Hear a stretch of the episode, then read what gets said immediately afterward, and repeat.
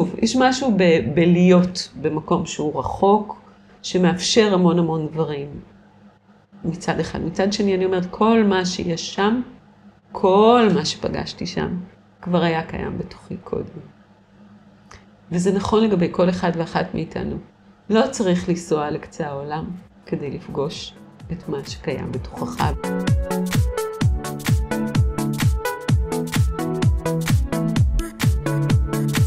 שלום לכולם, ברוכים הבאים לפודקאסט הגמשת מסגרות חשיבה, שיחות על שינויים, על אנשים ועל מה שביניהם, והיום נמצאת איתנו אורית נבו. היי אורית. היי, כן, זה כל ההקדמה. עכשיו זה אנחנו. נהדר. כן. אז אה, אורית, איך, אה, איך את מתחברת לנושא הזה של אה, הגמשת מסגרות חשיבה? קודם כל, זה קונספט שלמדתי אותו ממך, בניסוח הזה, ואני מאוד מתחברת אליו, כי אה, אתה יודע, 32 שנה עסקתי בקרקס, אז אני חושבת שקרקס זה מין מרחב כזה שמתרגלים בו הגמשת מסגרות חשיבה. עצם העובדה שאתה אדם ובוחר באופן מקצועי לעסוק בקרקס, ואולי גם לאורך זמן, זה משהו שקשור להגמשת מסגרות חשיבה. אז אה, אתה יודע, כי בדרך כלל תמיד אומרים, "ה- ההורים שלי בזמנו אמרו, איך היא תחיה מזה? זה מין סוג של מסגרת חשיבה אנושית שיש לכולם. קודם כל, ממה נחיה? אז, אה, ואני אומרת, קודם כל בואו נגשים את עצמנו, ואז נחיה מתוך זה. אז זה, זה פחות או יותר מה שאני עושה עכשיו, ואז ה... ו, וגם שינויים, הפודקאסט שלך מדבר על שינויים, אז שינויים הם קשורים לזה. אה, אז גמישות וגם החיים הם משנים אותנו ומשתנים כל הזמן סביבנו, אז היכולת שלנו להסתגל היא סופר משמעותית, ועדיין להישאר אנחנו, איזה פלא. כן. אמרת על השינוי, הגמשת מסגרות חשיבה שקורה למי שעוסק בקרקס. אני חושב שמה שנותן לקרקס בעצם את הזכות קיום, זה שאנשים רואים את הקרקס, וזה עושה להם את הדבר הזה. Mm, כאילו הקהל, אה, סך הכל, יש הרבה אנשי קרקס שיכולים פשוט להתקרקס עם עצמם, להיות באוהל לבד ולעשות. אבל מה שבעצם אה, מאפשר את זה שיהיה אוהל ושזה, ושיהיו הופעות, זה הקהל שרוצה את זה. הוא רוצה לראות את הזווית החדשה, הוא רוצה לראות את, ה, את אותו בן אדם שהולך הפוך, שמעז לעשות דברים אחרים. אה, שבו בתרבויות מסוימות שיש את, ה, את האיש, האיש המוזר, שלא הולך בתלם, אה, אז בעצם יש איזשהו ביקוש לדבר הזה. כן, מבחינה רגשית זה אחד הצרכים שלנו, ההרפתקה, הדרמה, הלא ידוע, הבלתי אפשרי, לראות איך אנשים מתמודדים עם הבלתי אפשרי, הרי הקרקס הוא הזירה של, ה, של האפשרי, של להפוך את הבלתי אפשרי לאפשרי. אז מבחינה אנושית, ברמה האנושית, באופן כללי, אנחנו, יש לנו מין, אה, אנחנו כולנו כאלה, יש לנו שאיפות שהן הרבה מעבר ליכולות שלנו בדרך כלל. מ- יותר מי פחות. אבל ככה אנחנו גדלים, ככה אנחנו מתפתחים כבני אדם. אז uh, הקרקס הוא מקום שבו אתה בא ואתה באמת uh, uh, חש, חווה, ומקבל את ההשראה הזאת, אולי גם לחיים שלך. אני זוכרת שכשרק התחלנו לעשות קרקס uh, בארץ, בבנימינה, זה היה אחד הדברים המניעים הכי הכי חזקים בשבילי. אני בזמנו חשבתי שהקרקס יביא את השלום למזרח התיכון. אז אה, ביחד עם יובל ושחר וכל זה, היה לנו מין חזון כזה. ו... והמחשבה הייתה שאם אתה תיקח ילדים בני שמונה שהם פלסטינאים וילדים יהודים בני שמונה ותעלה אותם על הטרפז להתמודד עם הפחדים שלהם בצורה יצירתית, אז, אני אעש... אז כשהם יגדלו, הם יעשו את זה בחיים שלהם גם, ואז מי יודע, אולי זה גם יביא לדיאלוג ולממש את הדבר ה... שהולך ונהיה יותר ויותר כביכול בלתי אפשרי, השלום הזה שכולנו תמיד אמרנו שאנחנו רוצים אותו, ועכשיו זאת באמת שאלה מאוד מעניינת, האם אנחנו כולנו באמת רוצים אותנו כמו, אותו כמו שאנחנו אומרים? האם כבר התרגלנו לחיות בלי? שאלה מעניינת. אבל אה, כן, וואו, נסחפתי קצת. זה אחלה. טוב להיסחף, אה, כי דיברת וזה היה לך כיף וזרמת עם הדברים האלה. אה, זה אחד מהדברים שאנחנו עושים פה בשיחה הזאת, ובכלל כשמשוחחים אחד עם השנייה. אה, זה מאפשר ככה למחשבות ככה להצטלל, להיות מדויקות יותר, להתחדד, וזו זכות שבעצם, זה מה שאני מביא בפודקאסט הזה, וזה מה שאני גם קולט מפודקאסטים אחרים, ממעגלי אה, שיחה, מעגלי גברים, כל הדברים האלה. בעצם אה, אמצעי לנו להתפתח, למי שמדבר, והכוונה היא גם שנוכל לתת השראה למי שמאזין או צופה או צופה בנו, וכדי שנוכל ככה, גם אנחנו וגם הם, ככה להיות יותר מחוברים ויותר אה, קשובים לרעיונות חדשים, אז אני אשמח שנעשה איזה רגע של שקט. איך את מתחברת עם שקט? איך זה פוגש אותך בחיי היום-יום? זה פוגש אותי כל בוקר במדיטציות כבר אה, מעל 15 שנה, אה, ואני מאוד אוהבת שקט. מעולה. רק שלא. ניכנס עכשיו לשעתיים של שקט. יש לנו זמן מוגבל לבטריה של המצלמה, אז אה, מה יכול לעזור לצופות ולצופים אה, ל, ל, להרוויח יותר מרגע השקט? אה, יכול להיות שאולי פשוט להתבונן בתודעה שלנו, במחשבות, מה עולה בזמן השקט הזה, בלי לשפוט, אולי להתאמן בלא לשפוט את מה שעולה, פשוט להתבונן, להיות כאילו מישהו שמתבונן מהצד ולראות מה עולה, מה מעסיק אותם היום, מה... אה, כן, מין כזה. מעולה. ובקצה השני של רגע השקט גם אה, ניגע בשלוש נקודות שאת תרצי שנעבור דרכן במהלך השיחה. נפלא. אז... אה, ואם אפשר, רגע לפני. השקט, כי דיברת קודם על הפודקאסט ועל ההזדמנות הזאת, אני רוצה להודות לך שהזמנת אותי לפודקאסט. איזה כיף שאת אומרת. זו באמת הזדמנות כיפית. תודה. זה תענוג שאת פה, וכל שיחה איתך, גם, גם לשמוע אותך ולראות אותך מדברת, זה מעורר השראה, וחשבתי שזה יכול להיות טוב אה, שעוד אנשים ישמעו. אז אה, רגע של שקט מתחיל עכשיו.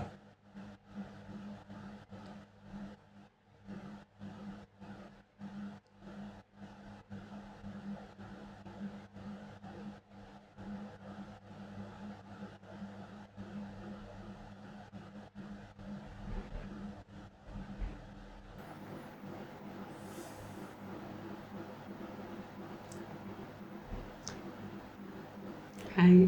היי. מאיפה חזרת?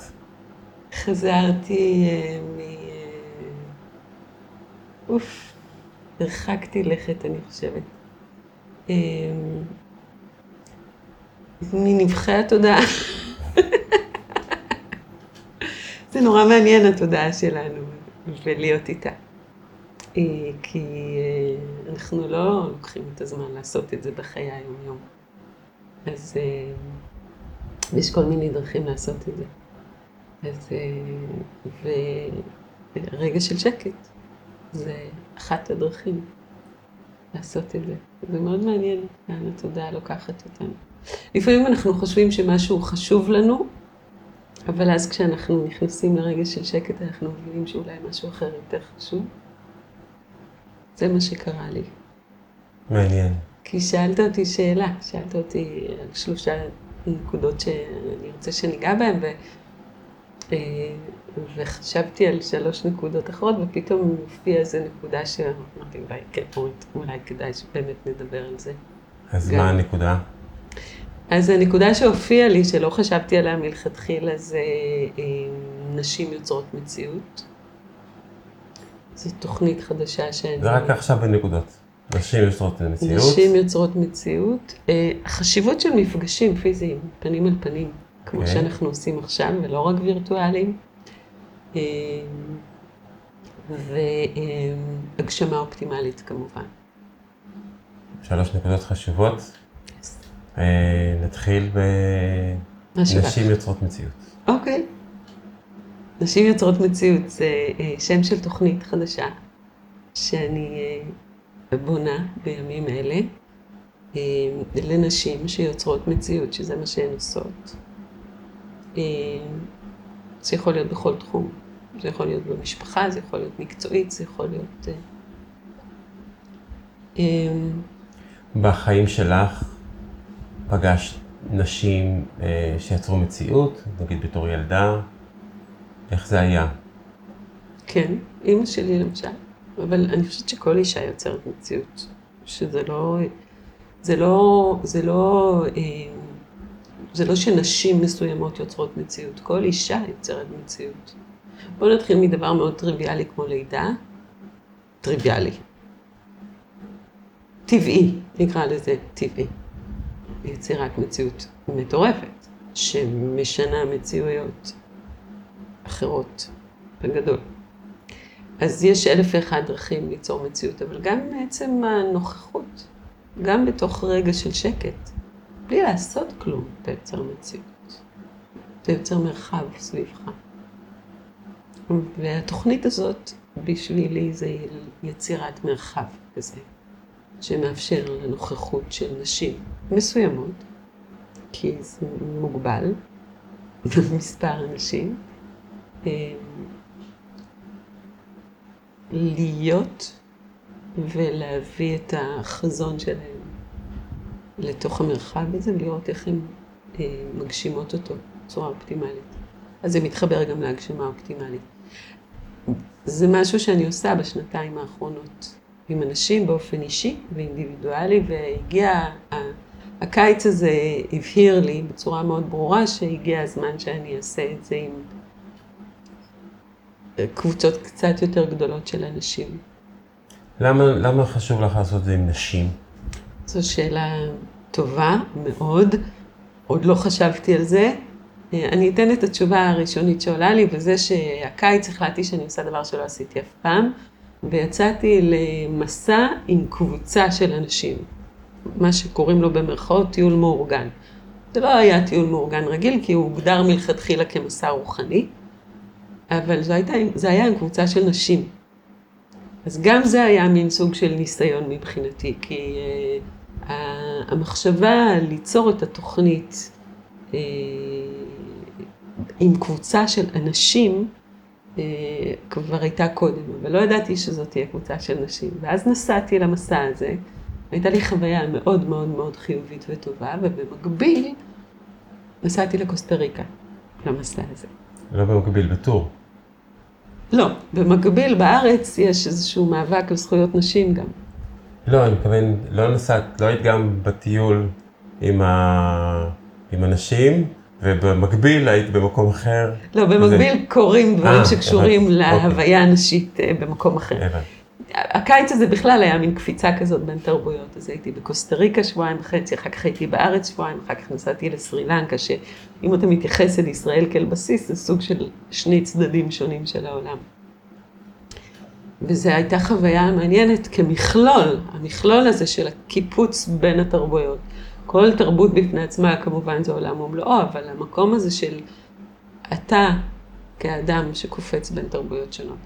אז אני אומרת, אז אחד הדברים שקרו זה שבמסע הראשון לקוסטה ריקה, שהתחיל את כל הדילוגים האלה, אה, זה היה מסע נשי, רוחני, והחוויה שלי הייתה סופר חיובית, וזה היה בשבילי גם סוג של ניסיון לראות מה זה עושה לי להיות שבועיים וחצי אה, עם קבוצת נשים יחסית גדולה, שלושים. מה זה עשה לך? זה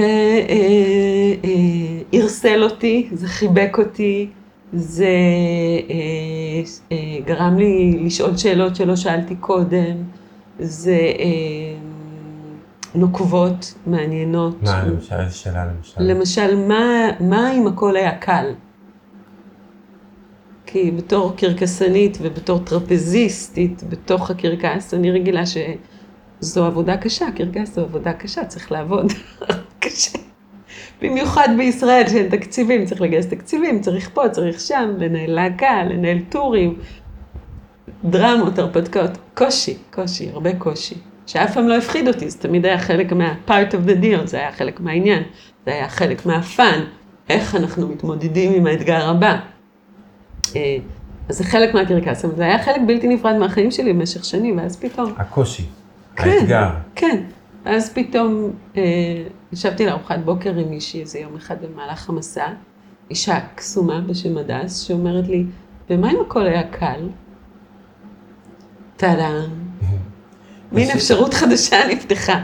אני שמעתי, זה ביטוי שמישהו, מישהי עברה לאירופה, לגור, והיא אמרה שממש מהר מתרגלים לשפיות. אה, זה היה מול, מול המציאות שקורית פה בישראל, שזה מאבקים כל הזמן ואיזשהו לחץ. כן. ופתאום שם האוויר נקי וכל מיני דברים. אז אה, אם הכל היה קל, אה, כמו שמה בקוסטה ריקה? לא, לא כמו שמה, באופן כללי, היא דיברה על, על, על, על הגמשת מסגרות חשיבה. בדיוק על זה היא דיברה. דיברנו על איזשהו משהו, אני כבר לא זוכרת מה. אני חושבת שאיבדתי את הצעיף הזה, שהוא צעיף שאני מאוד אוהבת, שמלווה אותי בכל מקום. איבדתי אותו באותו בית מלון. וחיפשתי אותו, ושאלתי, והלכתי, וחקרתי, והיא אמרה לי, ומה אם פתאום הוא יתגלה ככה, בקלות? מאוד טריוויאלי. וכן בסוף הוא התגלה ככה בקלות. אז זה לקח לו שלושה ימים, וזה לקח שלושה ימים של מאמץ שלי. והיא אומרת, אם בראש שלך, מלכתחילה, היית חושבת שזה קל, שהוא פשוט יופיע. אז אמרתי, כן, יש בי חלק שהאמין בזה לאורך כל הדרך, כי לא רציתי לשחרר אותו, לא רציתי לוותר עליו.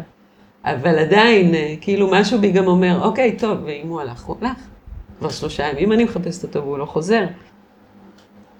ואז הוא הופיע, חמש דקות לפני שעזבנו את המלון, זה היה מאוד מעניין. חוויה מעניינת. כן. רוחנית משהו. כן, גם בעצם יש פה עוד נקודה, בכלל על לחפש ולמצוא דברים, שאומרים לי, בוא תעזור לי לחפש.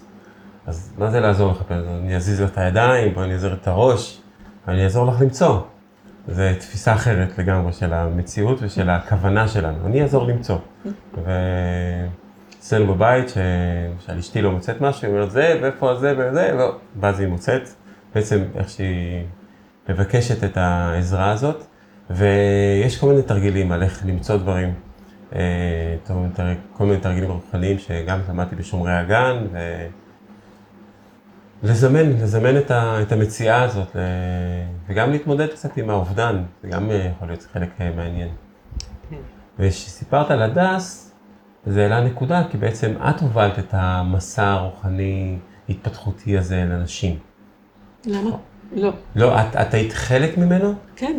אה, לא, לא, אוקיי. ממש לא, לא, לא, הובלתי, אמנם עשיתי להם יויה כל בוקר. לא, את הצטרפת לזה, או כן, שאת הובלת? כן, הצטרפתי למסע, לא, לא, ממש לא הובלתי. אוקיי. הצטרפתי למסע, ולמרות שזה מאוד מעניין שאתה אומר את זה, כי בדיוק אתמול דיברתי עם מי שהפיקה את המסע הזה, ודיברנו על זה שאנחנו נעשה מסע, שאני אוביל אותו עם הגשמה אופטימלית וכל זה, אבל אני עוד לא שם. הבנתי, אוקיי. לא, לא, הצטרפתי למסע. כחלק מהמסע, ו- ו- וגויסתי במרכאות כפולות אה, על ידי מי שכן הובילה את המסע, אה, לעשות להם יויה כל בוקר, שזה לא יוגה, אלא יויה, שזה סוג של תרגילי בוקר תנועתיים כאלה. אה, אז עשיתי יויה כל בוקר לקבוצה, אבל זה, זה היה בהתנדבות, זה משהו שאני עושה בשביל עצמי כל בוקר, אז אמרתי, פשוט הזמנתי אותן להצטרף, ואז זה נהיה מין אישו כזה, טוב, אז מתי היויה מחר בבוקר? וזה נורא נחמד. אה, יש משהו בלהיות במקום, להיות נוכחת ולתת מעצמך. בטח.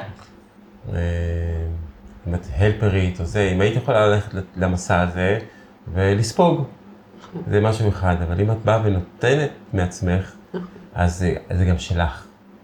את גם נכון. בעלת הבית. אפילו שזה בהתנדבות, כאילו כל הדברים האלה. כן. אה, ומעניין במסע כזה, מהסתכלות שלך, את היית בנתינה ביויה, אה, נשים אחרות, איפה הן היו? במקום של לתת? היה נפלא, הייתה מישהי שעשתה לנו איזה סשן של אה, תנועה ומדיטציה איזה ערב אחד. הייתה מישהי שעשתה איזשהו מעגל כזה, מעגל נשים, גם של שיח, אבל פשוט של להעביר, ממש לקראת סוף המסע, של לתת מחמאות במילה או משפט אחד, ו- ועוד לפני המסע היא כתבה לי, לקחה כל אחת עם השם שלה וכתבה כל מיני דברים שהיא הוציאה, כאילו עשתה, אה, איך קוראים לזה? אנגרם? מה, מהשם, מהאותיות של השם. אז, אה, והיו אה, היו כאלה ששרו, והייתה מישהי שהעבירה לנו איזה מיני סדנת NLP, והיה מלא דברים. וכמובן הייתה נירית שפירא שהעבירה לנו סשנים בלייף אליינמנט לאורך המסע. זה היה מאוד מעניין ומרתק, וכן, נפלא, ומעשיר. וזה היה מסע שלך? מסע רוחני, התפתחת, הרגשת ש... בטח, הרגשתי שאני חוזרת אחרת, למרות שבכל מסע אתה נוסע וחוזר אחר, אבל, אבל היה שם משהו בהתכוונות של, של לצאת למסע ולראות מה מתגלה. אני באופן אישי, אתה יודע, גם אחת השאלות שאלו, בגלל שזה היה מסע רוחני, אז שאלו אותנו לפני שנסענו, או בדרך, בטיסה, כאילו, מה אנחנו מאחלות ומייחלות שיקרה במסע. אז אני המסע הזה בשבילי היה, החלטתי לצאת אליו כי זה אה, היה חלק מאיזשהו תהליך רוחני שאני עוברת בחודשים האחרונים אה, אה, מרתק. שרב הנסתר בו על הגלוי, לאט לאט דברים מתגלים, אבל, אבל פשוט הרגשתי שהרוח קוראת לי ושאני צריכה ללכת, והרגשתי שהמסע הזה הוא מין סוג של שיא בתהליך הרוחני שאני עוברת. ואחד הדברים שנאמרו לי, אה, המסעות השמאנים שעשיתי כדי להבין אם אני באמת רוצה לצאת למסע, אחד הדברים שנאמרו לי זה שאני צריכה ללמוד לנוע בין, העול, בין העולמות באופן חופשי. אתה יודע שבעולמות השמאנים יש את העולם התחתון, את העולם של המציאות הזאת ואת העולמות העליונים. אה, והייתה מין הזמנה כזאת, או נאמר לי שבאיזשהו שלב אני אה, אוכל לעבור בין העולמות האלה באופן חופשי, ובשבילי המסע, ביציאה למסע, אחד הדברים שביקשתי זה זה. זאת האפשרות הזאת, זה לשכלל את היכולת הזאת של לנוע בין עולם לעולם לעולם. והצלחת? משהו? אני, אה, אני, אה, זה, אני חושבת שאני משתפרת. מה, איך, מאוד. את יכולה לתאר את המעבר הזה בין העולמות? אם אני יכולה לתאר את המעבר הזה בין העולמות, מה, מה, מה, אני יכולה למשל לתת אה, דוגמה. אני יכולה לתת דוגמאות אה, מהחיים. למשל, אה, כל התהליך הרוחני הזה שאני אומרת התחיל מזה שאני הרי באופן קבוע ומתמיד, אחד הדברים שאני עושה זה הליכות או לפעמים גם ריצות בוקר. אז אני יוצאת לשמורת הטבע שליד הבית ועושה הליכה של משהו כמו ארבעה, ארבעה, חמישה קילומטר כל בוקר. ובהליכות האלה אני נקרים על דרכי כל מיני דברים, כל מיני תופעות טבע, כל מיני יצורים חיים, כל מיני אה, פריחות למיניהן, או, או קמילות למיניהן, או אה, ו... ו... וכל כל דברי, כל דבר כזה שנקרא על דרכי, אם אני רגע לוקחת את הזמן להתבונן בו, אז יש לו איזשהו, הוא מדבר אליי, כאילו הטבע מדבר אליי, אז יש לזה איזושהי משמעות לגביי, באותו זמן, באותו רגע של המפגש. ויש בזה משהו, אה, אה, ו, ולפעמים אתה מרגיש שהמסר בא מעולמות של מעלה. לפעמים אתה, אה, אה, מכל מיני עולמות, מה שנקרא אה, העולמות הנסתרים, נקרא לזה ככה. אז למשל, חזרתי מקוסטה ריקה, ואחד הדברים שקרו זה שהקונטרסט המאוד גדול הזה בין האי, מאוד ירוק בקוסטה ריקה.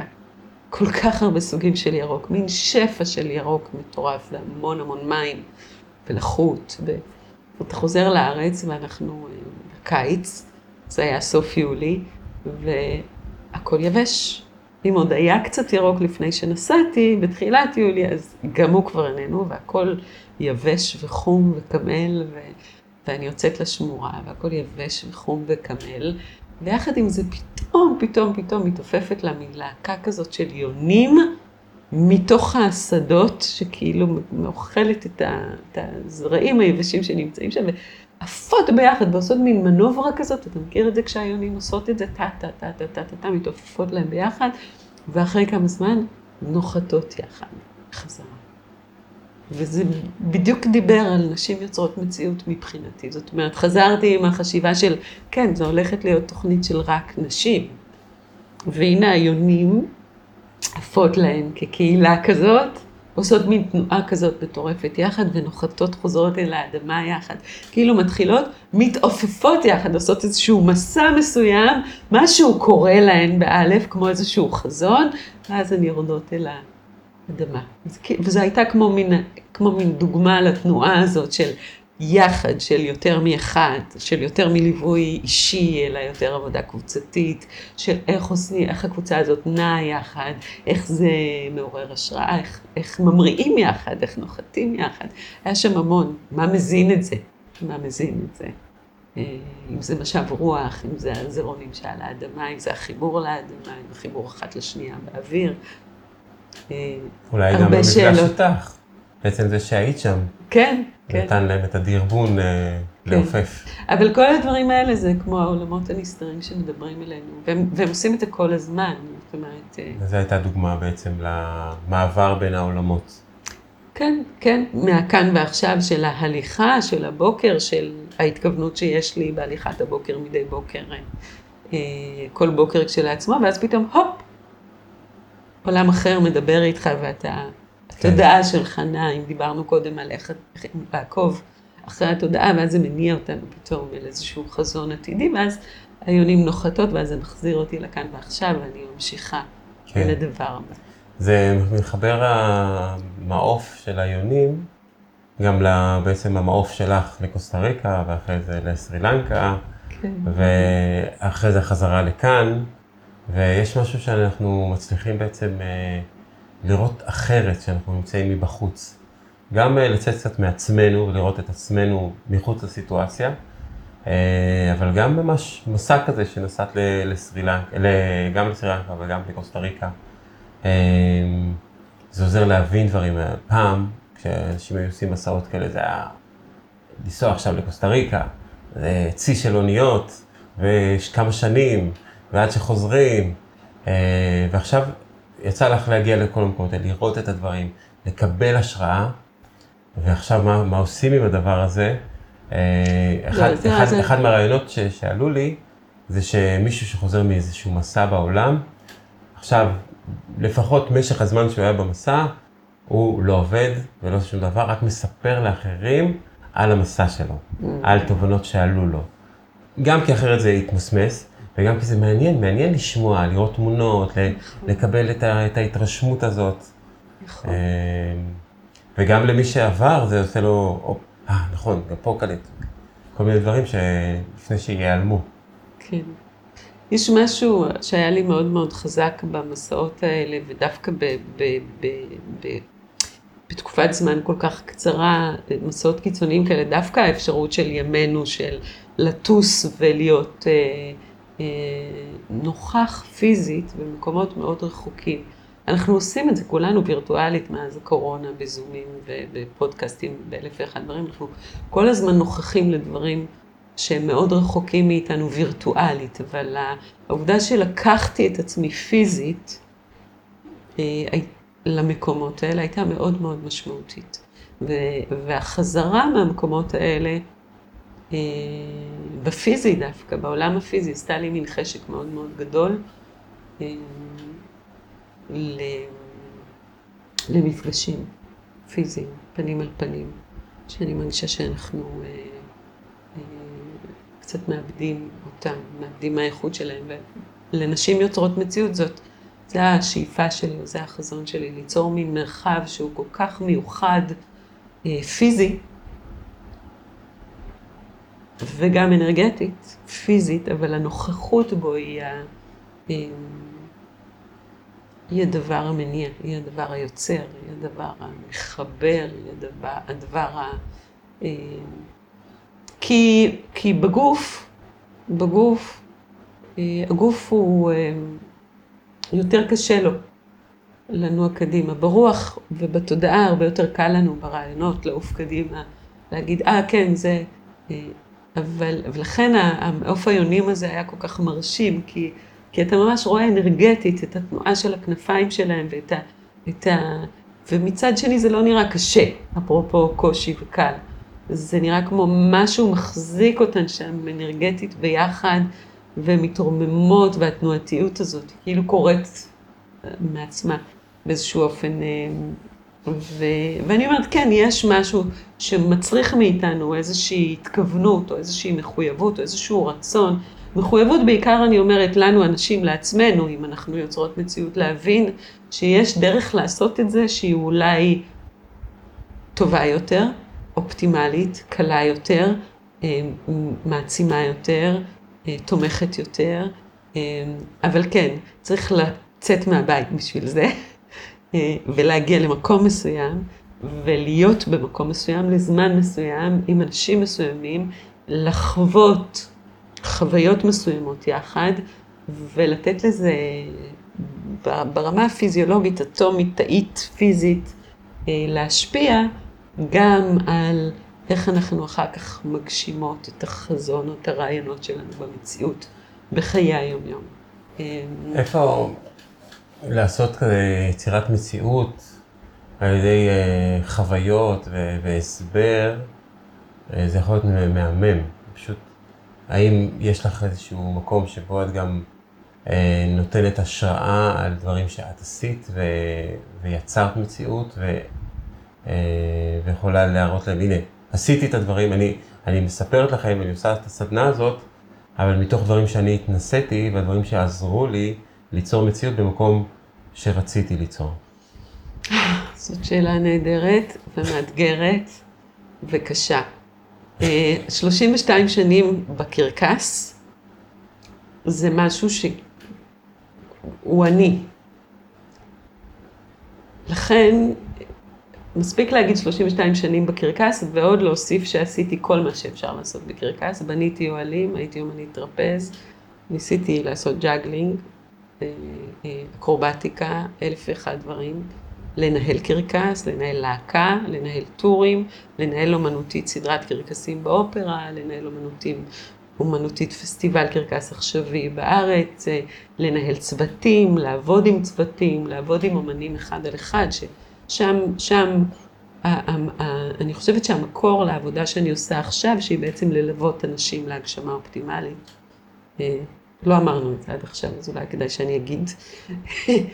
אה, הזרע של זה טמון בעיקר בעבודת הבימוי שעשיתי לאורך השנים. אז בתוך ה-32 שנים האלה, בתוך אלף ואחד הכובעים האלה שהיו לי בקרקס, וגם ניקיתי שירותים מן הסתם וכאלה. אה, אז, אז, אה, ובניתי טרפזים, תליתי טרפזים, עשיתי ריגינג. אז, אה, אז אני חושבת שכל הדברים האלה הם חלק ממני, הם אני, הם קיימים, אז, אז לא צריך לדבר על זה יותר מדי. גם, אני לא כל כך מאמינה בלנוח על זרי הדפנה, אני גם מאמינה בלחיות את הרגע. ולכן הנוכחות כל כך חשובה לי. ולכן זה שהזמנת אותי כל כך מרגש, כי הנה אנחנו כאן, והנה אנחנו, בעצם השיחה הזאת יוצרים מציאות חדשה. אתה עבור הפודקאסט, אני מתראיינת לפודקאסט, אה, למי שיצפה בזה או יקשיב לזה בחיים שלו, אם הוא ישמע משהו, כמו שאמרתם, זה יעורר בו השראה. אז, אה, אה, אז אני חושבת שכל מי שהייתי, אני גם עכשיו, אני גם, אתה יודע, מעבר לזה ש-32 שנים הייתי בקרקס את כל הדברים האלה, אני גם אימא, אני אישה, אני מאהבת, אני ספורטאית, אני אה, רקדנית בוטו, אני אה, אה, תולעת ספרים, אני אה, מתאמנת, יש לי מאמנים שמאמנים אותי, אני מאמנת, אני מלווה אנשים, אני החברה הכי טובה של הלקוחות שלי לתקופות מסוימות בחיים שלהם, אני נכנסת איתם למקומות אינטימיים שאני לא יודעת אם הם מכניסים אליהם אנשים אחרים. אני, יש לי, וכל הדברים האלה גורמים לי להיות מי שאני. אחד הדברים שקרו לי במסע בקוסטה ריקה למשל, זה, הייתה לי שיחה עם מישהו שהוא מרצה באוניברסיטה, והוא אמר שאחד הדברים ש, שמאוד אה, מאתגרים אותו זה הנושא של הביקורת. שכשיש לך סטנדרטים גבוהים ואתה מלמד משהו, אז אתה ביקורתי. אתה, איך אתה מעביר בעצם ביקורת על עבודות של תלמידים או דברים מהסוג הזה? ואני אמרתי, פתאום נוכחתי לעובדה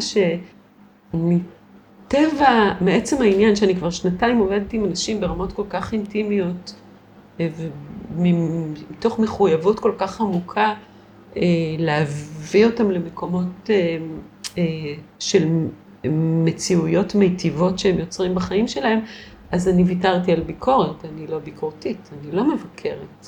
אין לי ביקורת יותר על אנשים. אני עובדת עם מי שנמצא מולי איך שהוא נמצא מולי, אני מקבלת אותו כמו שהוא, ואני בעיקר גם רואה את הפוטנציאל שיש שם.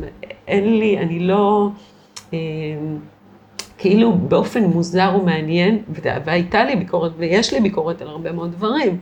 אה, אני למשל מאוד פעילה במחאה, זה לא ככה, אבל, אבל, אבל ברמת האנשים שאני עובדת איתם, ברמת אה, אנשים שאני פוגשת, ברמת... אה, אני מרגישה שיש לי הרבה פחות ביקורת עכשיו, וגם במסגרת המחאה הזאת, נגיד שיש מישהו שאני לא מסכימה איתו, זה לא ש... זה, זה, יש איזושהי קבלה, יש איזושהי הקשבה, יש איזה, קודם כל יש הקשבה. קודם כל יש הקשבה. קודם כל, כל הניסיון הזה, כל ההשראה הזאת, הכל בסדר, קודם כל, בוא ניפגש, בוא נקשיב, בוא נראה את מי אני פוגשת. בוא נשאל שאלות קודם כל, בוא נהיה סקרנים לגבי האחר, לפני שאנחנו יודעים או מעוררים השראה. בוא רגע אחד נקשיב. משהו כזה, פתאום, קורה לי. כן. כבר שנתיים, שזה נפלא. כן, זה מעניין שלקחת את המקום הזה של איך את בעצם מעודדת אנשים לצמוח, ולא מתוך ה... פה לא עשית טוב ופה זה וכאן, ויש את העניין של הביקורת ויש את העניין של השיפוטיות. את יכולה להבחין ביניהם? אה, אני לא כל כך נכנסת לשם. אני לא יודעת, זה לא מקומות שיש לי, הם לא עולים לי. כשאני מדברת עם מישהו, אני חושבת גם בגלל המקומות המאוד מאוד אינטימיים שאנשים מרשים לעצמם להכניס אותי אליהם. לפעמים אני מופתעת. אני מופתעת, אני כאילו, אני אומרת, באיזה זכות מכניסים אותי למקומות האלה, אבל כשמכניסים אותך למקומות כאלה, אתה נהיה פתאום סופר סופר סופר רגיש. אז אין, אין, אין, אין מקום לביקורת, אין מקום לשיפוטיות, אין, באיזה זכות? מצד אחד אני שואלת באיזה זכות מאפשרים לי את הגישה הזאת, ומצד שני אני אומרת באיזו זכות אני יכולה לשפוט, אני לא זו שחיה את הדבר הזה. בואו רגע ננסה להקשיב ולהבין מה יש שם. אני יותר מדי עסוקה בהקשבה, מכדי לבקר או לשפוט. וה, וה, והחיפוש שלי בהקשבה הוא, מה אני שומעת שיש שם שאותו אדם צריך לשמוע, שאני צריכה לשקף לו, שאני צריכה להשמיע לו, שהוא אמר, כי הרי הידע נמצא אצל כל אחד מאיתנו, לא אצלי. אני לא מלווה אנשים להגשמה אופטימלית בגלל שאני יודעת יותר טוב מה זו הגשמה אופטימלית. אני אמנם חייתי הגשמה אופטימלית במשך 32 שנים, אבל אני בעצמי לא ידעתי שזה זה. לקח לי המון זמן, בעיקר השלוש-ארבע שנים האחרונות, להבין שזה מה שעשיתי וזה מה שחייתי. זאת אומרת, התפרנסתי מקרקס, פרנסתי אנשים אחרים מקרקס, עשיתי את הבלתי אפשרי הזה, ועשיתי את זה מתוך השאיפות והגשמת חלומות שלי ושל אנשים אחרים. אמ, אמ, אה, מתוך התמודדות עם האתגרים האלה, אז כן, אז אני יודעת מה זה, אז חוויתי את זה. הרבה פעמים, אתה יודע, אם תשאל אותי מה זה מאמן טוב, מאמן טוב בשבילי זה מישהו ש- been there and done that, לא אחד שלמד אימון ועכשיו הוא אה, יאמן אותך לחיות את החיים שלך, לא. ולכן אני גם מדברת על נשים יוצרות מציאות, כי כן, יצרתי מציאויות כאלה בחיי, אז אני יודעת, אני מכירה את הקשיים, אני באלף ואחד רמות ברמה העסקית, ברמה האישית, ברמה המשפחתית, ברמה המקצועית, ברמה... אלף ואחת רמות. בעניין הבילדר דנדט, כן. אז נשים באמת אלה שיכולות, אלה שהרות ומולידות אז אה, אולי יש להן משהו לתת שהוא בעניין של יצירה ובריאה, כי הן עשו את זה כבר. ואילו גברים, אין להם את הניסיון הזה של, ה... אה, של היצירה האמיתית הזאת בחומר של, של גוף חי, אה, אז אולי קשה להם יותר להתמודד, או יש משהו, ש... איכות מסוימת שיכולה לבוא לידי ביטוי בקבוצה כזאת של נשים שיוצרות מציאות, מאשר אה, אנשים שיוצרים מציאות. כן, אני, אני פשוט מרגישה, אה, אני לא יודעת איך זה ביחס לגברים, גברים, אתה יודע, שוב, אנחנו כולנו שונים, אתה יודע, פתאום החלוקה הזאת לגברים ונשים היא קצת מוזרה לי, כי שוב, בגלל שאני עובדת אינדיבידואלית עם אנשים, אז אני מאוד אה, ערה לשוני הגדול בין, בין, אז מצד אחד, אז כל אחד הוא אחר. בכלל, אני מאוד ערה לנס הזה, שהוא העובדה שאנחנו בכלל כולנו קיימים כאן, בכאן ועכשיו, בעולם הגשמי הזה. ולכן אני גם עוסקת בהגשמה האופטימלית מהמילה גשמי, כי יש משהו מאוד מאוד מעניין בהתמודדות הזאת עם המציאות, עם הכאן ועכשיו, עם, ה, עם ה, ההתחככות הזאת עם המציאות, העובדה שזה, שאולי יש לנו רעיונות ברוח, אבל איך אנחנו בעצם מגשימים אותם. אז בעצם הנשים יוצרות מציאות, התוכנית הזאת זה מרחב הגשמה. ואז אז, אז, אז קשה, לי, קשה לי המקום הזה של להגיד נשים וגברים, ו, ומה לנשים יש ומה לגברים יש. אז כל אחד הוא מאוד שונה. אמ, אני, אני מרגישה ש, ש, שמה, למה, למה זה מרחב נשי דווקא נהיה? כי אני מרגישה שאם זאת השאלה, לא שאני בטוחה שזאת השאלה, וזה חלק מזה אולי, אז אמ, כי אני מרגישה ש... יש משהו בהוויה הנשית שהוא מאוד uh, תומך, שהוא קשוב, שהוא ייני, שהוא, uh, שהוא מאפשר, שהוא uh, uh, פתוח, שהוא uh, uh, מתבונן, חוקר. Uh, ואז כשנשים באות, אמ, אם אני רגע אחד מחברת את זה לאקט של הלידה למשל, אז כשאתה בא ליצור, אתה בא ליצור מתוך איזשהו מקום מוכן, תשעה חודשים של הכנה, הקשבה, גם פנימה וגם החוצה.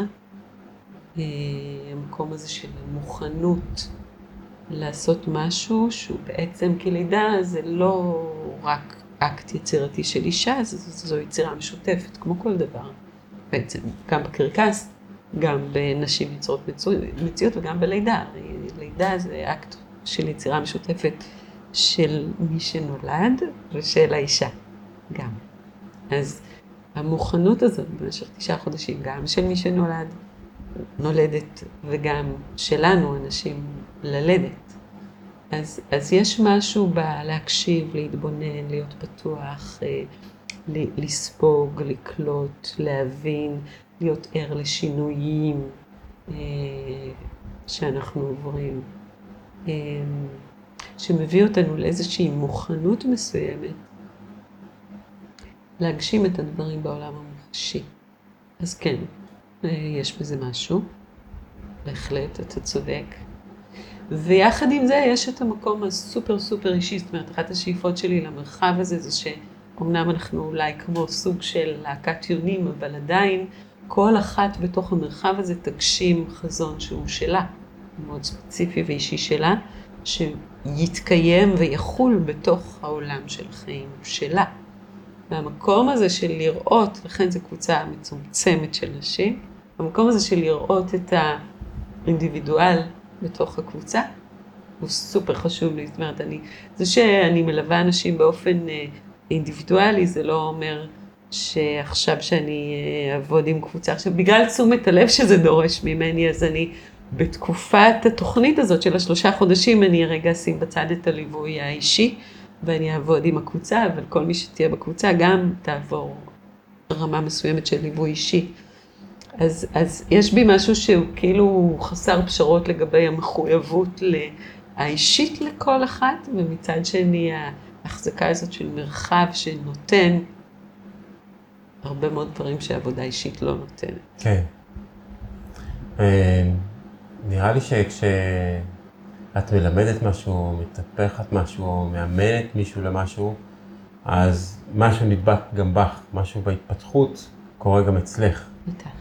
אה, למשל, לא יודע, אולי באימון, או עכשיו בקבוצה הזאת ש, שאת רוצה, שאת יוזמת, אה, איזשהו מקום, לאיזשהו מקום של התפתחות שיקרה מתוך המרחב שכל הנשים האלה יכולות לבוא, ובעצם גם להרים אותך קצת יותר למעלה. בטח, אני חושבת שאנחנו, בכל מפגש אנחנו נתרמים ומתרוממים. אנחנו, אה, לכן המפגשים הפיזיים כל כך חשובים לי. הם, אה, חשובים כי אחר כך, אה, נגיד, כשאני אצא מפה ואני אסע הביתה, אז משהו מהמפגש הזה יישאר איתי, כמובן, ויקח אותי הלאה, והשאלות שלך והמחשבה על הרעיונות של הגמשת מסגרות חשיבה, של הגמישות, של המקום הזה של נשים שיולדות, למשל, זה לא משהו שבהכרח חשבתי עליו לפני שהגעתי לכאן ודיבר, התחלנו לדבר, אבל הנה, זה עולה. אז כן. uh, ברור, ברור, ברור, כל מפגש הוא כזה. וגם בכלל בעבודה שלי עם אנשים, אני לא מרגישה שאני מלמדת משהו. אני לא מרגישה שאני מלמדת, אני מלווה. אני עדיין שומרת על עצמי בתפקיד מלווה, ואני מאוד נזהרת מלהגיד ש... שיש איזשהו ידע שנמצא אצלי שלא נמצא אצל אחרים. כי כשאני עובדת עם אנשים על הגשמת חזונות שלהם, או על הגשמה אופטימלית שלהם כבני אדם במרחב החיים שלהם, אז אה, ברור לחלוטין שהם יודעים הכי טוב מה יש שם, ואני אין לי מושג כשאנחנו נפגשים בפעם הראשונה, ואם מישהו מחליט לעשות איתי את המסע הזה וללכת את כברת הדרך הזאת, ואגב, כברת הדרך שאני הולכת עם אנשים היא תמיד של שלושה חודשים. אני אמ, זה, זה מין פורמט כזה שאני אה, מרגישה שהוא נכון בתור מסע התחלתי, שמאפשר גם שינוי הרגלי חיים מסוימים, או הגמשת מסגרות חשיבה מן הסתם קודם אולי, אה, בניית מערכי תמיכה לשינויי ההרגלים האלה, במשפחה, בצוות שאתה עובד בו, בארגון שאתה עובד בו. אמ, והיכולת שלך בעצם במרכאות, כי זה לא בדיוק מה שאני התכוונתי כשנסעתי לקוסטה ריקה ואמרתי לנוע בין העולמות, אבל בעצם אנחנו, כל אחד מאיתנו כאינדיבידואל, אנחנו מכלול. מכלול שהוא אנחנו, הוא הגוף, כמו שדיברנו, הוא הרגש, הוא התודעה והוא הרוח. נגיד, אם אני מחלקת את זה חלוקה גסה וארטילאית ומלאכותית לחלוטין, כי הם הרי מחוברים בפועל, הם מחוברים אחד לשני, אבל כדי אני, במסגרת העבודה הזאת של הגשמה אופטימלית עם אנשים, אז יצרתי מין framework כזה כדי שיהיה קל לתאר את המסגרת שדרכה אנחנו נכנסים לעבודה, וזו בעצם המסגרת. המסגרת היא המכלול שהוא אנחנו. כן. אז, אז איך אתה חי בגוף, איך אתה חי ברגש, איך אתה חי בתודעה, ואיך אתה חי ברוח, ואיך כל אלה משתלבים בתוך המערך המאוד מורכב, שהוא החיים שלך, הוא חיי היומיום שלך. זאת אומרת, העבודה הזאת על הגשמה אופטימלית היא סופר קונקרטית. היא, כשאני אומרת שאני נכנסת עם אנשים לרזולוציות מאוד אינטימיות, זה ברמה של איך אתה קם בבוקר, אה, בכל אחד מהרבדים האלה, שכל אחד מהרבדים האלה הוא מקור אנרגיה שאתה משתמש בו במשך היום, ואיך אתה בעצם מתנהל אנרגטית. מול חזון שאתה רוצה להגשים, מול מציאות שאתה יוצר, מול הגוף שלך. אז למשל, הנס... כל הנסיעות האלה שעשיתי בקיץ הזה היו אה, מאוד מאתגרות פיזית. אתה יודע, קפצתי בין אזורי זמן שונים, אה, אה, אקלימים שונים, מרחבים, מרחבי טבע שונים. אני בתור בן אדם שסופר מאוד מאוד מאוד מאוד מאוד מחובר לטבע. מאוד מושפע מהטבע, מאוד uh, מאפשר לטבע להיכנס ולהשפיע עליו פנימה והחוצה. Uh, זה היה מאתגר. זה מאתגר. לקחת את הגוף שלנו, את המקום הגשמי הזה, ו- ולטלטל אותו ככה בין... Uh, מה פגשת בסרי לנקה? עוני, קודם כל. מה שהיה פחות בקוסטה ריקה. וכאן יש פחות עוני. הדבר הכי חזק שפגשתי בסרי לנקה הוא העוני, ולא רק עוני, אלא גם אה, יש משהו במרחב הסרי לנקי, עם כל היופי שבסרי לנקה, גם האנושי וגם של הטבע, אה, יש משהו בחוויה האנושית שהייתה באי הזה במשך אה, עשרות ומאות שנים, של הרבה מאוד אה, אה, כיבושים ותרבויות אחרות שכבשו אותם, של מלחמת אחים שנמשכה עשרות שנים, אה, שעכשיו היא אולי איננה, אבל אתה, מה, יש משהו בהתנהלות האנושית שגורם לך לחוש את הקשיים האלה שהם עברו, את, ה, את, ה, את החיים הלא פשוטים שהם התמודדו איתם. אמ. ופגשתי את המשפחה שלי בסרי לנקה, נסעתי לשם. הבנים, אני קוראת להם הבנים, יש לי משפחה של הרבה בנים, יחסית אליי, יש לי שני בנים שלי ובן זוג. אז הבנים היו בסרי לנקה, הם נסעו לגלוש לפניי, ואני הצטרפתי אליהם, אז פגשתי אותם שם. שזה היה מאוד מחבק ומערסל ונעים וטוב. אמ, ואחת הסיבות שטלטלתי את עצמי ככה אה, לקצה השני של העולם אה, מקוסטה ריקה היה שכשאני בחרתי לנסוע לקוסטה ריקה והבנים אמרו, תפדלי, כל כך יפה ובכזאת אה, גדלות רוח שיש להם, כל אחד בדרכו, אז, אז אמרתי להם, ומה איתכם? והם כבר הרבה זמן חלמו לנסוע לסרי לנקה ולגלוש. אז אמרתי, סעו לסרי לנקה. אז הם נסעו לסרי לנקה, ואז אמרתי, אבל לא ראיתי אותם שבועיים וחצי, ועכשיו אני רואה אותם, ועוד רגע הם נוסעים, ואני רוצה להיות איתם בקיץ הזה גם. גם חלק, עוד כובע שיש לי. אה, המשפחתיות הזאת. אז, אז נסעתי לשבוע לסרי לנקה. אם חושבים על זה, עשיתי מסע של יומיים כדי להיות ארבעה ימים ולחזור במסע של יומיים. וזה עלה המון כסף. אז עכשיו, הכסף הוא לא מאוד משמעותי, הוא לא משחק הרבה מאוד תפקיד כשאתה חי מתוך הגשמה אופטימלית באיזשהו אופן, כי זה מין פועל יוצא. אתה חי בהגשמה אופטימלית, כמו בקרקס, כמו שהתפרנסנו מהדבר הזה שאי אפשר להתפרנס ממנו במשך שנים. אז, אז גם פה, אז, זה לא היה שיקול, אבל הטלטלה הפיזית בתור בן אדם שהוא כבר לא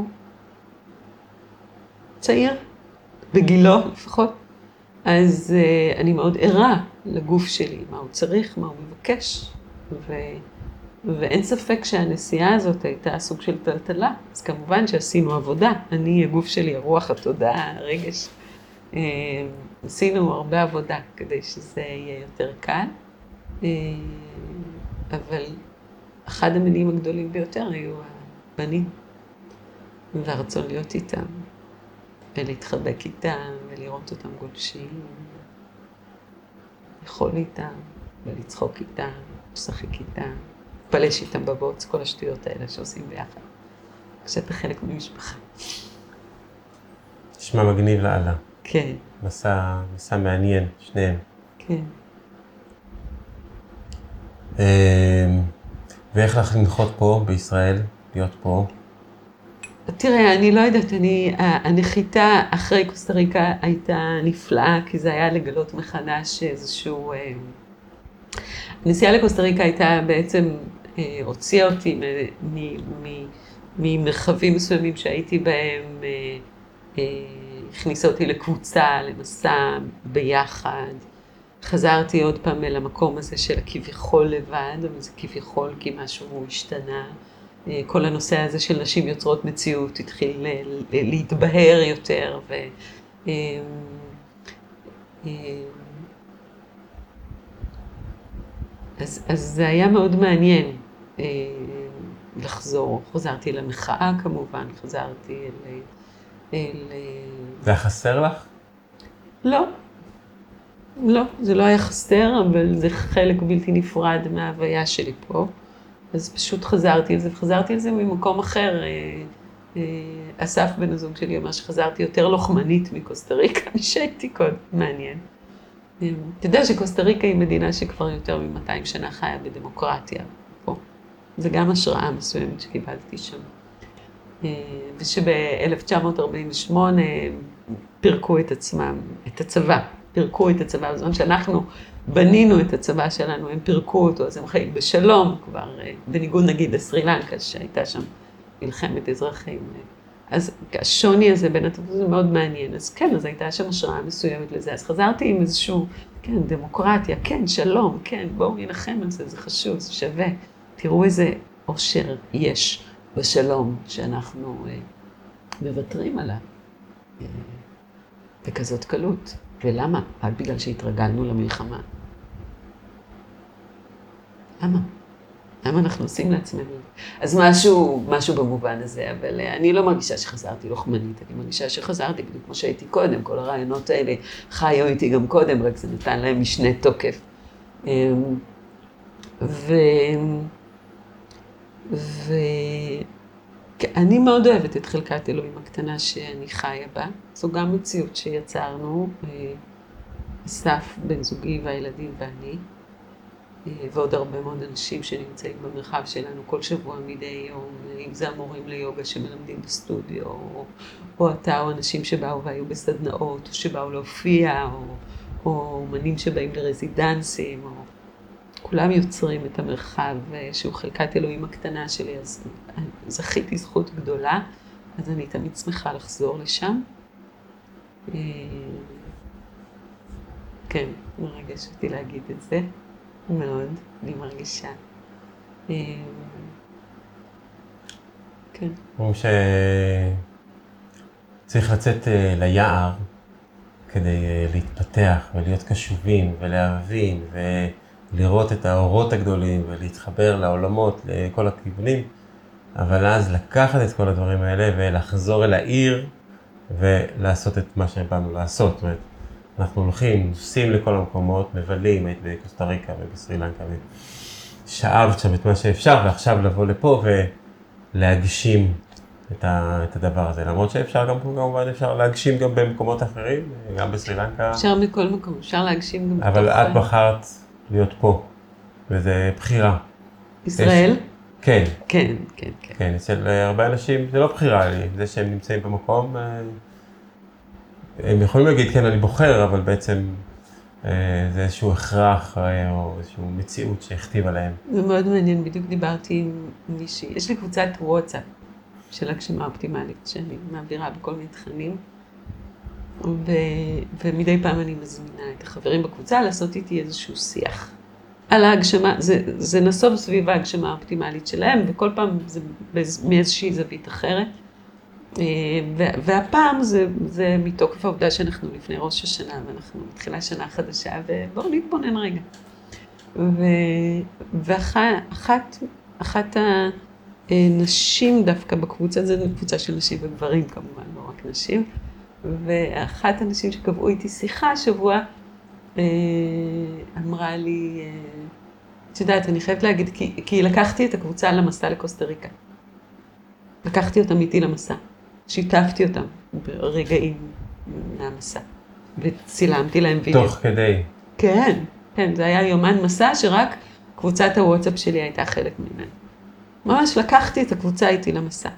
עכשיו, היא אמרה דבר מאוד משמעותי וחשוב, שהטריד אותי בקוסטה ריקה, אני חייבת להגיד. היא אמרה, אני חייבת להודות שממש קינאתי בך. אני רוצה להגיד על זה משהו. כי, כי זה, זה, אתה יודע, יש משהו בזה שמתאפשר לי, גם כלכלית וגם אחרת, אמ, לקום ולנסוע לכל המקומות האלה. אמ, ואני רוצה להגיד על זה כמה דברים. אחד, שאני רוצה להגיד ש, ש, שזה אה, דבר שבחרתי לעשות אותו אחרי הרבה מאוד זמן, שבחרתי להיות כאן. אחרי שנים שבחרתי להיות כאן, מאז הקורונה, ועד הנסיעה הסופר משמעותית הזאת לקוסטה ריקה, אולי עשיתי איזו גיחה של יומיים שלושה, לא יודעת מה, ליוון או לנפולי, עם המשפחה, מתישהו, לאורך השנים, אבל... לא, אני לא, לא... ממש הייתי בתוך דלת אמותיי, הייתי בתוך אה, להקים מרכז רזידנסים, בתוך אה, לשפר, לבנות, בתוך לבנות את העבודה של הגשמה אופטימלית עם אנשים, פנים אל פנים, בכאן ועכשיו, אה, להיות שם בשבילם, לא לפספס פגישות. אז גם זה היה מאתגר, לפנות את הפגישות עם אנשים כדי לנסוע, אבל... בתוך איזשהו תהליך שעברתי עם עצמי, הבנתי שזה מה שנדרש כרגע. שזה מתחיל להגיד, זה מה שנדרש, כי זאת הנאה צרופה, כמובן, זה עונג צרוף לנסוע לקוסטה ריקה, לנסוע לסרי לנקה, אבל, אבל כמו שאמרנו, יש בזה גם את הקשיים ויש בזה גם את האתגר. והגשמה אופטימלית היא, היא כל הזמן. הגשמה אופטימלית היא, היא, היא בחמש וכש... דקות הבאות. וכשהיא כתבה שהיא מקנאת בך, מקנאה, לא יודע מה היא כתבה. קודם כל היא לא כתבה, היא אמרה. היא אמרה. היא אמרה, לזכותה ייאמר, היא ממש אמרה לי את זה בטלפון. וזה משהו שאני יכולה להבין, אבל אני, כאילו, יש משהו ב... בלקנא, שוב, יש משהו ב, בלהיות במקום שהוא רחוק, שמאפשר המון המון דברים מצד אחד. מצד שני, אני אומרת, כל מה שיש שם, כל מה שפגשתי שם, כבר היה קיים בתוכי קודם. וזה נכון לגבי כל אחד ואחת מאיתנו. לא צריך לנסוע לקצה העולם כדי לפגוש את מה שקיים בתוכך, וכל העבודה בהגשמה אופטימלית, ובהיותה חלק מקבוצת ההגשמה האופטימלית שלי, כל העבודה בהגשמה אופטימלית מדברת על, על מין קפסולה כזאת של לא רק מידע, אלא גם של חוויות, של זיכרונות, של רגשות, של, של, של, של, של, של מין קפסולה או קריסטליזציה כזאת של המכלול שהוא אנחנו. כל מי שהיינו ואנחנו הווים וגם מי שנהיה בעתיד. היכולת הזאת לנסוע בין העולמות זה גם בין הזמנים.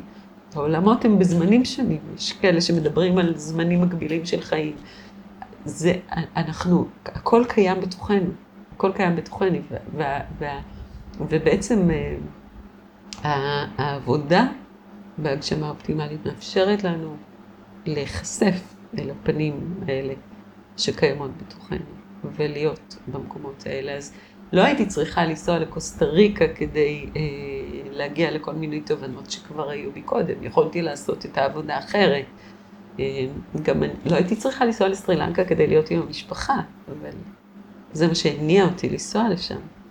כי אני לא גולשת, רוב הישראלים נוסעים לסרי לנקה כדי לגלוש. אה, באתי לשם ממניעים אחרים לגמרי, אה, שיכולתי אולי לוותר עליהם, לא הייתי חייבת. וכן, זה היה אתגר פיזיולוגי, השבוע הזה. אוקיי, אבל זה גם בחירה, לעמוד באתגר הזה, להיות שם, לבחור לעשות את זה שם, לבחור להיות איתם שם בחוויה שלהם. כן. זו בחירה. אז אנחנו בוחרים, ואנחנו גם בוחרים, אה, בין אם אנחנו מודעים לזה ובין אם לא, במגבלות שלנו. כן. והיכולת להסתכל על זה, הרבה פעמים כשאני מתחילה לעבוד עם אנשים על הגשמה אופטימלית, אז אני שואלת אותם, אז מה נחשב נסבל בעיניך? ממה אתה כביכול, באנגלית זה נשמע יותר טוב. What do you tolerate? מה אתה מרשה לעצמך to tolerate? מה אתה מרשה לעצמך לסבול, במרכאות? לא ברמה של סבל, אלא ברמה של מה נסבל, מה נחשב נסבל בחיים שלך. זו התחלה טובה. להסתכל כן. ולראות איפה אתה לא ממש מגשים את עצמך, איפה אתה שם את הזמן שלך אולי במקומות, או את תשומת הלב שלך במקומות שבהם אתה לא רוצה שהיא תהיה. ובמקום כזה שאת מזהה משהו שהוא, מישהו שהוא סבלן, סבלני כלפי איזשהו משהו, אז זה מקום שאותו אפשר לשפר ולשנות, או התבוננות? קודם כל להתבונן, ולשאול את השאלה, את אותו אדם, כמו שאמרתי, הוא יודע יותר טוב, לא אני. אבל אני, אני מראה. אני, הש, עצם השאלה שמה זרקור על דברים שהרבה פעמים אנחנו לא מודעים להם. אתה יודע כמה שנים אני הייתי מסדרת אחרי הבנים? שנים. ואז... וסבלתי מזה סבל רב. ואז, לפני כמה שנים, אמרתי לעצמי, אוי, רבאק. זה היה בקורונה, דרך אגב, כל כך מאוחר. ובכל זאת, כבר ילדה גדולה.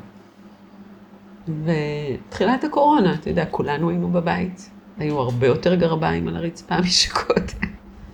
ו... ואז זה באמת התחיל להיות בלתי נסבל, ואמרתי לעצמי, אורית, תראי, יש לך כמה אופציות פה. או שפשוט אל תסתכלי על הגרביים על הרצפה, או שתדברי איתם על זה. עכשיו, דיברתי איתם על זה כבר שנים, אני מדברת איתם על זה, זה תמיד במשך שבוע עובד, ואז כבר לא. אה, ו- ו- ואו שאת יכולה פשוט לבחור, את יודעת, אם זה משהו שהוא נסבל על ידך, או זה משהו שהוא חלק מלהיות חלק מהמשפחה הזאת. אלה הבנים שלך. אלה הבנים שלך. הם שלי. הם הבנים שלי.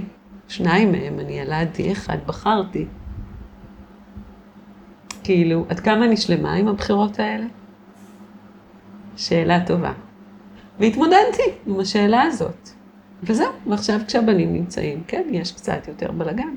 וכן, יש קצת יותר שיחות על זה, וכן, יש קצת יותר עזרה בבית, וכן, וכן, למשל עכשיו אנחנו מסיימים חודש של בלי העוזרת. היא הייתה בחו"ל, חודש ימים. מזל שהם היו שבועיים בסרי לנקה, אבל אתה יודע, כאילו, זה משהו שאני לא נתתי את הדעת עליו עד שלא התחילה הקורונה. עד כמה אני סובלת את ה... ללכת ולהרים גרביים ולשים אותם בסל הכביסה. או למשל, לקפל את הכביסה ולשים להם אותה בארון, עד שיום אחד אמרתי, חבר'ה, עד כאן, אני מקפלת, אתם תשימו בארון. אתה יודע כמה זמן פיניתי? מדהים, לא? דברים כן. פשוטים, הגשמה אופטימלית זה דברים מאוד מאוד פשוטים. כן. ליישם זה פחות קל.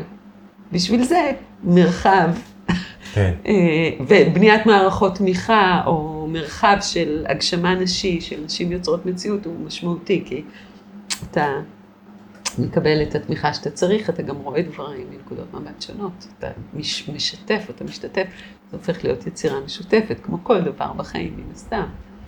אה, בשלב מאוד מוקדם של הזוגיות שלי עם אשתי, אה, נפל לידי איזה ספר, לא זוכר את הכותרת שלו ולא זוכר מי כתב אותו, מי כתבה אותו. הוא דיבר על החיים הזוגיים ועל זה, שזה שיש מישהו שעוזר, זה אחד מהדברים הכי נוראים. מה זה עוזר?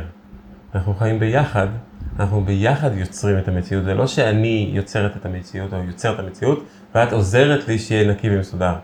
אנחנו שנינו צריכים לדאוג גם בשיחה הזאת, זה לא שאת עושה ואני עוזר לך בשיחה, או אנחנו שנינו יוצרים את הדבר הזה ביחד, ועצם המילה הזאת, בואו תעזרו לי, זה אוקיי, אנחנו עוזרים לך, מה את רוצה? עזרנו, לא שמתי את הגרב פה, זרקתי אותה לפינה שם, זה עזר. תראי, אנחנו, יותר קל לך. מצחיק. אה, אז אה, זה בעצם אחריות משותפת. אה, לי זה, זה עשה הרבה טוב בזוגיות ובחיים, בהתנהלות הביתית. בטח. לפני שנמשיך בחיינו, אני רוצה שלושה דברים שנעשה. אוקיי. אחד, אם יש משהו שאת רוצה להגיד ולא אמרת עד עכשיו, נראה לך שפספסנו איזה נקודה. אה, תן לי לזכור. לא איזה מסר גדול. משהו עם ש... כאילו דיברנו על המפגשים בגוף ועל אה, נשים יוצרות מציאות. ועל הגשמה ועל אופטימלית. הגשמה אופטימלית, שעשינו שלושה ויים. נכון. אם אני רוצה להגיד עוד משהו? כן, משהו חסר? אה, כן, אני רוצה להגיד משהו. יאללה. אה, הוא גם על הגשמה אופטימלית, אבל הוא, הוא, הוא על למה, למה, אתה יודע, הרבה פעמים אנחנו אומרים, טוב, בוא קודם, קודם נעשה משהו ואז נעשה משהו אחר. ו, ואני, יש בי משהו שאני רוצה ל- להגיד שהחיים, היום-יום, כל מה שאנחנו עושים הוא, הוא, הוא, הוא, הוא חלק מההגשמה האופטימלית שלנו. זאת אומרת, גם כלים זה חלק מההגשמה האופטימלית שלנו, כמו שאומרים בזן. ו, ו, ו, ו, וזה לא קודם ואז, זה, זה עניין של אה, אמ, להיות נוכחים. אה, בכל רגע ורגע, אז אני פשוט, אני רוצה להזמין, זה מה שאני רוצה לעשות. אני רוצה להזמין את הצופים שלך, אה, להיות נוכחים ולחיות מתוך הגשמה אופטימלית, כי אה, אה, זאת אומרת שכל רגע יהיה משמעותי וחשוב. להביא תשומת לב לדברים שעושים, לתת את הדעת, כל הביטויים האלה שאנחנו תמיד משתמשים בהם, אבל אני ממש רוצה להזמין אנשים לעשות את זה בחיי היום-יום, כמו איך אנחנו קמים בבוקר, איך אנחנו מצחצחים שיניים, דברים מאוד מאוד פרוזאיים, ו, ולמה אנחנו קמים בבוקר, אמ, איך אנחנו עושים את מה שאנחנו עושים, למה, מה הטעם, אה, כן, קצת ל, ל, ל, ל, להתבונן, להתבונן ו, ולחוש כל רגע ורגע, מין כזה. מעולה. יופי, טוב שאמרת את הדברים, שלא תגידי, תיסעי, אה, למה לא אמרתי זה, זה נורא חשוב. אמ, זה עוזר לי, שאנחנו מסיימים, ואז אין את הדבר הזה שרצית לומר ולא אמרת. אמ, ואני מאוד אשמח, אם אה, יש לך מישהו שאת חושבת שזה יהיה נהדר, שהוא גם כן יתארח בפודקאסט הזה, שיוכל לעורר השראה. בטח. מי? נירית. נירית, מעולה. שפירא. נירית שפירא. אז נהדר. התפקיד שלך יהיה לקשר בינינו.